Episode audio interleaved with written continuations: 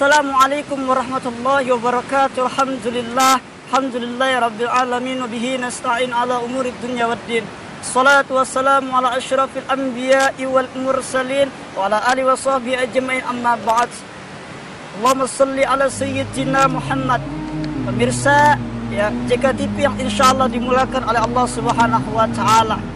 Di bulan suci Ramadan ini mari kita perbanyak untuk selalu ya meningkatkan ibadah kepada Allah Subhanahu wa taala dengan apa?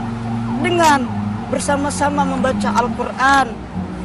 Karena ketika kita ingin dirindukan oleh surga, ketika kita ingin diangkat derajat oleh Allah Subhanahu wa taala, ketika kita ingin menjadi orang-orang sebaik manusia di hari kiamat nanti atau ketika kita ingin mendapatkan syafaat di hari kiamat nanti apa yang harus kita lakukan? Satu jawabannya yaitu membaca Al-Quran khususnya di bulan suci Ramadan ini.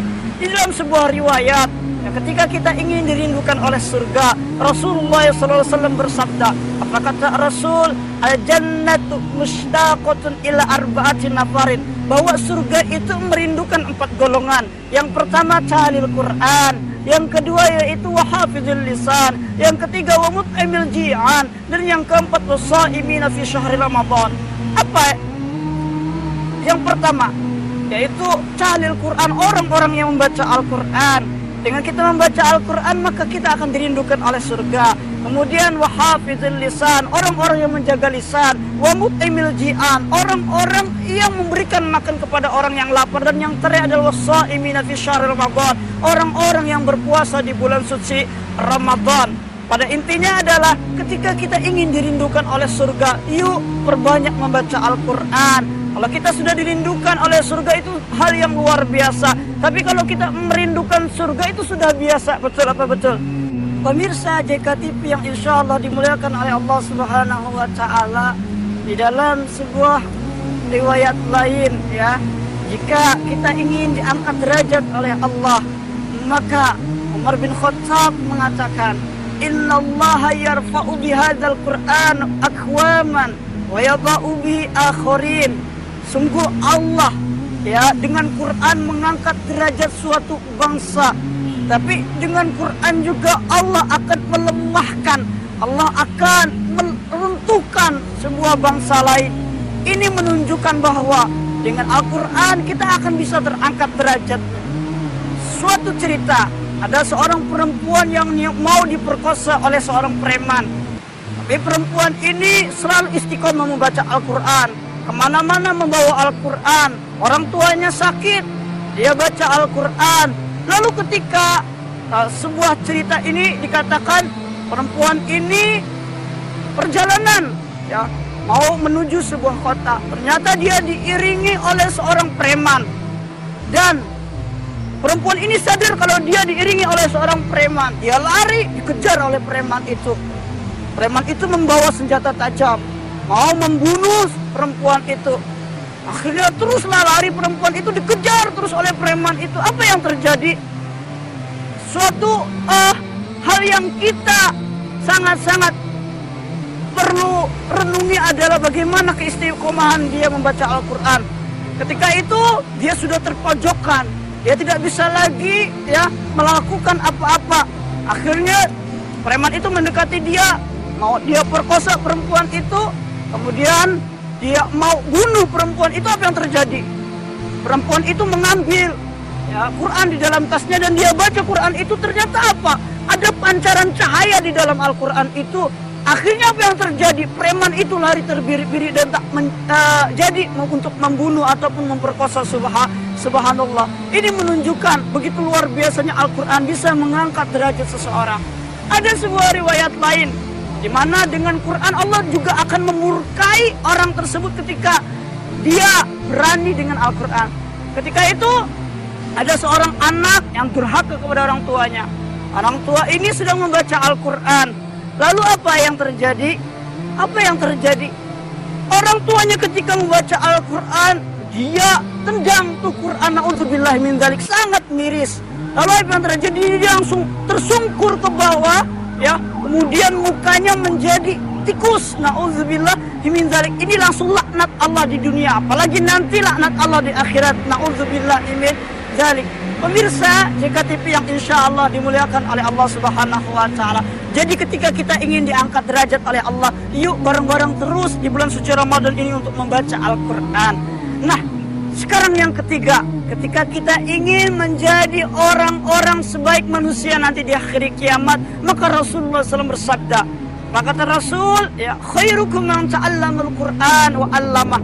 Orang-orang ya nanti yang di hari kiamat sebaik-baik orang itu adalah orang-orang yang membaca Quran, orang-orang yang mengamalkan Quran. Masya Masya Allah Tidak hanya pada membaca Quran Bagaimana kita mengamalkan apa yang ada di dalam Quran Quran suruh kita untuk salat, zakat, puasa, haji bagi yang mampu atau Quran suruh kita untuk terus meningkatkan ketakwaan kepada Allah. Maka kita lakukan itu, insya Allah kita akan menjadi orang-orang sebaik manusia di hari kiamat nanti. Tentu pemirsa JKTV ingin seperti itu. Oleh sebab itu teruslah di bulan suci Ramadan ini untuk memperbanyak membaca Al-Quran. Di dalam riwayat lain, ya Ibnu Mas'ud, ya seorang profesor di zaman Nabi jadi di zaman Nabi itu ada empat profesor. Satunya Abdullah ibnu Abbas, itu profesor ahli tafsir.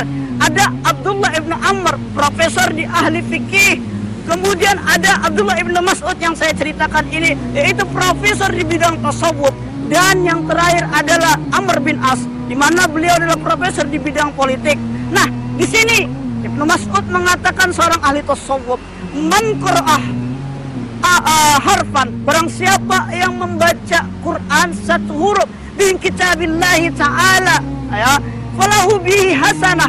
Maka dia akan mendapatkan satu kebaikan.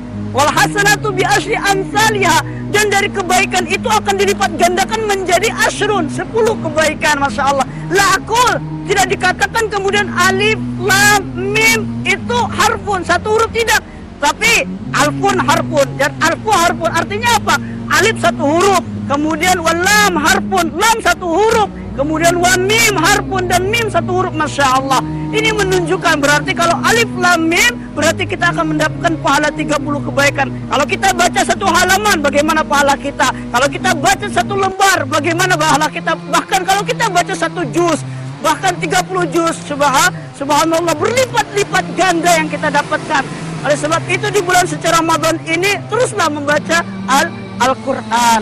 Dan di dalam riwayat lain man arada ayat takallama ma Allah falyaqra Quran. Siapa orang yang ingin berkomunikasi kepada Allah meminta ya doanya diijabahi oleh Allah maka falyaqra Quran. Membacalah Al-Quran subhanallah. Di dalam riwayat lain yang menunjukkan kalau kita ingin terus ya menjadi orang-orang yang diangkat derajat oleh Allah ya maka ada riwayat mengatakan barang siapa ya yang disibukkan oleh Quran di hari Ramadan ini atau di hari-hari yang lain ya, kemudian untuk tujuannya mengingat Allah, untuk apa? Agar uh, meminta doa itu dijabai oleh Allah, maka Allah akan berikan apa?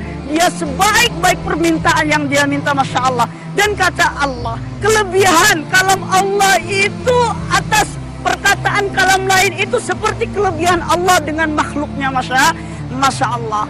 Ini hadis diriwayatkan oleh Imam Atir At-Tirmidzi. Pemirsa, ya Budiman, ya JKTV yang insya Allah dimuliakan oleh Allah Subhanahu wa taala. Yang keempat, ya, ketika kita ingin mendapatkan syafaat di hari kiamat, apa yang harus kita lakukan?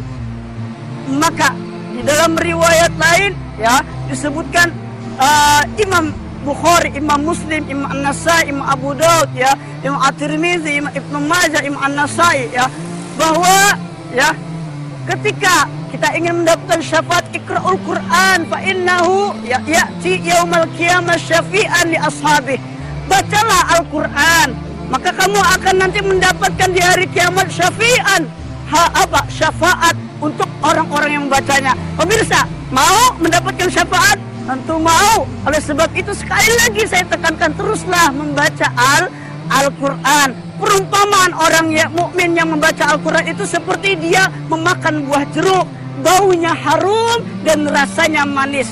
Tapi perumpamaan orang mukmin dia tidak membaca Al-Quran seperti apa? Dia memakan buah kurma, ya tidak berbau tapi apa? Tapi rasanya manis. Perumpamaan orang munafik yang membaca Al-Quran itu baunya uh, uh, seperti uh, dia memakan kayu cendana. Jadi baunya harum tapi rasanya pahit. Tapi perumpamaan orang munafik yang tidak membaca Al-Quran adalah apa? Yaitu dia tidak berbau tapi juga rasanya pahit. Naudzubillah min dzalik. Ada pertanyaan bagaimana dengan orang jahat yang membaca Al-Quran? Orang jahat yang baca Al-Quran itu sama dengan orang mu munafik. Pemirsa JKTV yang insya Allah dimuliakan oleh Allah Subhanahu Wa Taala, ada sebuah cerita yang saya ingin ceritakan di mana kita akan mendapatkan syafaat yaumul kiamah nanti, yaitu ada seorang yang meninggal. Dia diantarkan orang ya ke liang lahat, dikuburkanlah orang itu. Lalu apa yang terjadi? Orang-orang pergi ketika sudah dikuburkan, didoakan, orang-orang pergi. Ada satu orang yang tidak pergi, malaikat mungkar nangkir ya bertanya ya kamu siapa? Pergi sana. Tidak saya nggak mau. Kamu siapa? Pergi sana. Tidak saya nggak mau. Sampai tiga kali. Kamu siapa? Saya uh, pergi sana. Tidak. Lalu apa yang terjadi? Ditanya oleh munkar nakir siapa kamu? Saya adalah Al-Quran yang dia sering baca di dunia Masya Allah. Jadi nanti benar bahwa ketika nanti ya di dalam kubur kita akan mendapatkan syafaat dari Al Al-Quran. Pemirsa JKTV yang insya Allah dimuliakan oleh Allah Subhanahu Wa Taala. Mari sekali lagi di bulan suci Ramadan ini mari kita perbanyak membaca Al-Quran, tadarus Al-Quran, ya terus meningkatkan ketakwaan uh, kepada Allah dengan membaca Al-Quran. Karena di bulan suci Ramadan ini juga ya Al-Quran itu diturunkan dan Al-Quran juga akan menjadi obat kepada kita semua ya. Wa nunazzil Quran ma huwa syifa wa rahmatul alamin. Mungkin itu saja dari saya kurang lebihnya mohon maaf. Kalau ada jarum yang patah jangan disimpan dalam peti. Kalau mungkin pidato aji ada yang salah jangan disimpan dalam hati. Sebelum saya akhiri yuk kita beristighfar kepada Allah Subhanahu wa taala. Astaghfirullah Rabbal baraya Astaghfirullah min al khata Ya Rabbi zidni ilman nafi'a Wa wafiqni amalan Terima kasih, semoga bermanfaat. Subhanakallahumma wa bihamdik, syadu an la ilaha illa anta astaghfiruka wa atubu ilaik. Assalamualaikum warahmatullahi wabarakatuh.